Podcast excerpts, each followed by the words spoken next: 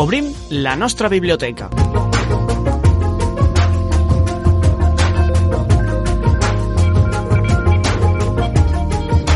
Obrim eh, la biblioteca i saludem a Bea Garés. Molt bon dia. Hola, bon dia, Mari Carmen.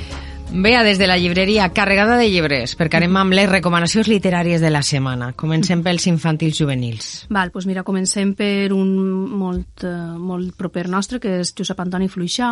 Mm -hmm. Temps darrere ja el van portar quan va traure La sacerdotessa de Mesopotàmia, en la seva última novel·la, i també ha tret en Bromera una guia que es diu La Cendroseta Invisible, que és per a, fa una aproximació a la literatura infantil i juvenil valenciana, on ens parla de molts dels autors eh, valencians que s'han dedicat a la literatura infantil i juvenil, eh, els gèneres que més s'han treballat així a, a València, editorials, col·leccions més rellevants, o sigui que ha intentat aunar en este llibre pues, bueno, una, una aproximació no? a, tot, a, a tot el, el que s'ha treballat en aquests últims anys per la literatura infantil i juvenil.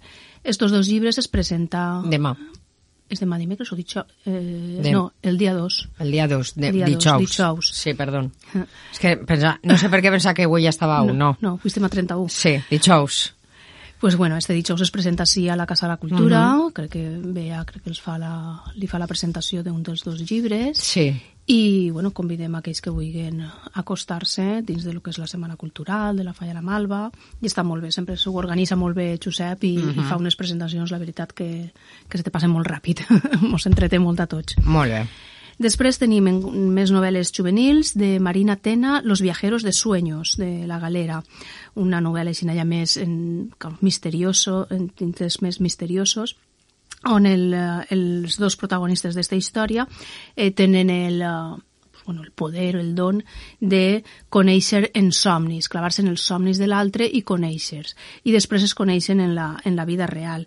I una vegada que es coneixen, comencen a passar-los coses més misterioses, cauran en un, en un somni del que no poden escapar, estan els dos junts, eh, i bueno, el, el món este ja més... Eh, més misteriós de, de, de somnis, de cap a on ens duen, del cos, el que és més real, el que no, eh, és el que conta en esta, en esta aventura.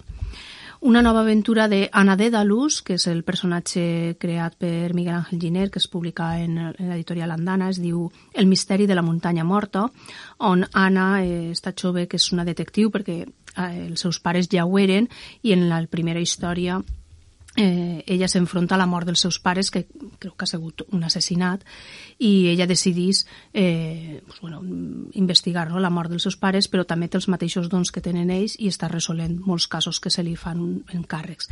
En esta ocasió haurà d'anar a, una, a una misteriosa muntanya per encàrrec de, d'una persona amb un accent en rus que la contracta per a, per a revelar un, un enigma del passat en aquestes muntanyes ja en els anys 60, on van desaparèixer uns joves d'una forma pues, un tant estranya.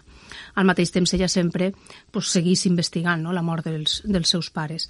En aquesta col·lecció el que sempre destaquem és que està en format de còmic i en, i en narrativa. Hi ha capítols on els, eh, els diàlegs i, eh, i les aventures que ocorren són en, en forma de còmic i altres capítols que estan, que estan narrats, combinar aquestes dues formes narratives. I per últim, per a més menudets, eh, hem portat este llibre amb solapes que es diu Mientras duermes, ¿quién trabaja de noche? Sempre quan nosaltres estem dormint, Dormint, la major sí. part, eh, hi ha altres oficis que s'encarreguen de que tot seguisca funcionant. Pues, bueno, eh, per als més xicotets, perquè això és per al públic pues, de 3 a 6 anys, més o menys, pues, tenim els forners, tenim els pescadors, tenim els vigilants dels museus o els conductors de, dels metros, els metges, Val? O sigui, tenim moltes professions que durant la nit pues, eh, continuen treballant i quan nosaltres ens alcem tot pareix que seguís tot igual, no? Uh -huh. pues, bueno, les finestretes aquestes podran descobrir molta més informació d'aquestes professions. Passem ja al públic més adult, portem una altra novel·la gràfica, esta és l'adaptació de la novel·la d'Helena Ferrante, L'amiga estupenda, bueno, que després va ser una, una sèrie de, no sé si són quatre o cinc llibres, esta història, Elena Ferrante, que és el, no s'ha sabut, crec que mai, qui, qui s'amaga darrere d'aquest nom, perquè eh, passar-te un poc com, com Carmen Mola, no? Sí. Que, eh, esta autora italiana, Elena Ferrante, pues no sabem si és una dona, si és un home, si són varios, això no s'ha descobert que jo sàpia. I va tindre molt d'èxit també esta sèrie, i com dic, el primer volum s'ha adaptat a novel·la gràfica, era la història de dos de dos amigues en un, en un barri de un barri més pobre dels Nàpols de, dels anys 50 i bueno, les seues ports, les seues passa l'adolescència, la seva vida, la seva amistat com se va desenvolupant en, en aquest ambient no? d'un barri pobre amb les dificultats que, que això pues, duia en, en aquesta època. Borja Vilaseca ha tret eh, nou llibre. Este és un dels coach i divulgadors eh, més de, de, de psicologia, eh, pues més de moda, uh -huh. i tenim el seu últim llibre, Tu eres lo único que falta en tu vida, és el, el títol del seu llibre, i on ens parla sobretot del eneagrama, que és una, una ferramenta que ell utilitza per a per a l'autoconeixement, no? per a que puguem analitzar-nos a nosaltres mateixa. Eh, perquè en aquest eneagrama, com descriu així el llibre, pues, es descriuen com nou, nou rasgos de, de la personalitat i on tu te pots identificar més en uns o en altres i en les característiques que cada, que cada modalitat de personalitat té, no? Però per això Vale. és el que ell diu, no? Ha de ser un molt sincer i tractar d'autoconèixer-se.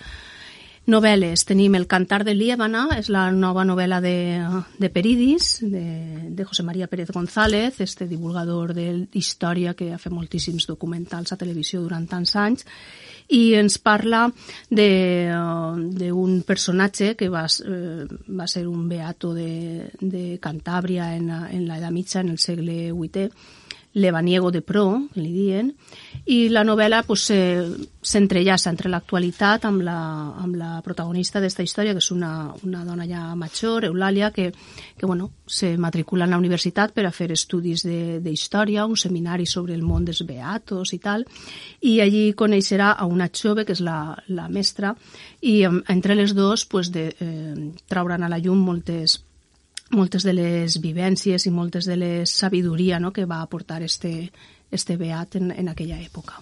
Vale.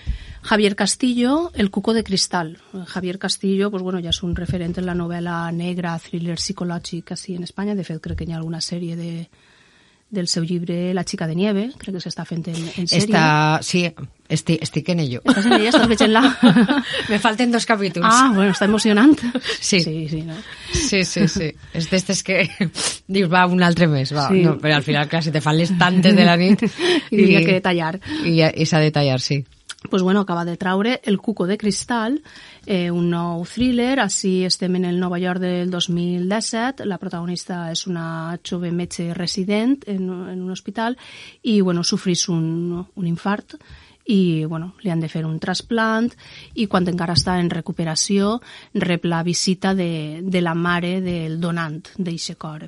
Eh, i li fa una proposta que és la d'anar al poble on, on ella ha viscut amb el seu fill, la seva família per a que conega més el seu fill i el seu entorn.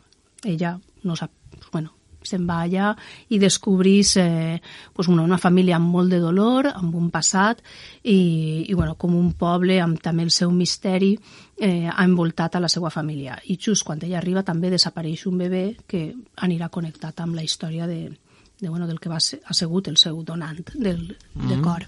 El cuco de cristal. El cuco de cristal. Víctor del Árbol, també un dels altres escriptors de novel·la policíaca espanyols. Nadie en esta tierra, acaba de traure nou llibre.